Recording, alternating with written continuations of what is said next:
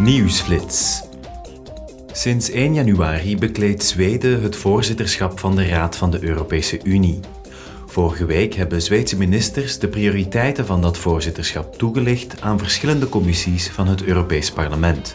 En ook deze week zullen er dergelijke hoorzittingen plaatsvinden.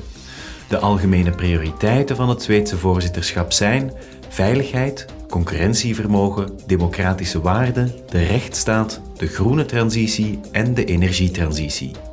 Zweden zal de Raad van de EU nog tot eind juni voorzitten. Vandaag en morgen vindt er, verspreid over drie hoorzittingen, een debat plaats in de bijzondere commissie voor de COVID-19-pandemie. De commissieleden zullen zich buigen over de gevolgen van de pandemie voor de Europese democratieën en grondrechten.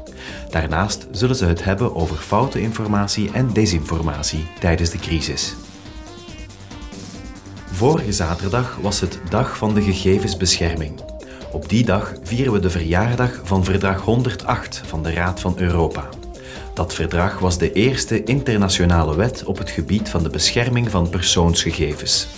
Het doel van het verdrag is om burgers controle te bieden over hun gegevens en een hoog niveau van gegevensbescherming te bereiken in de hele EU.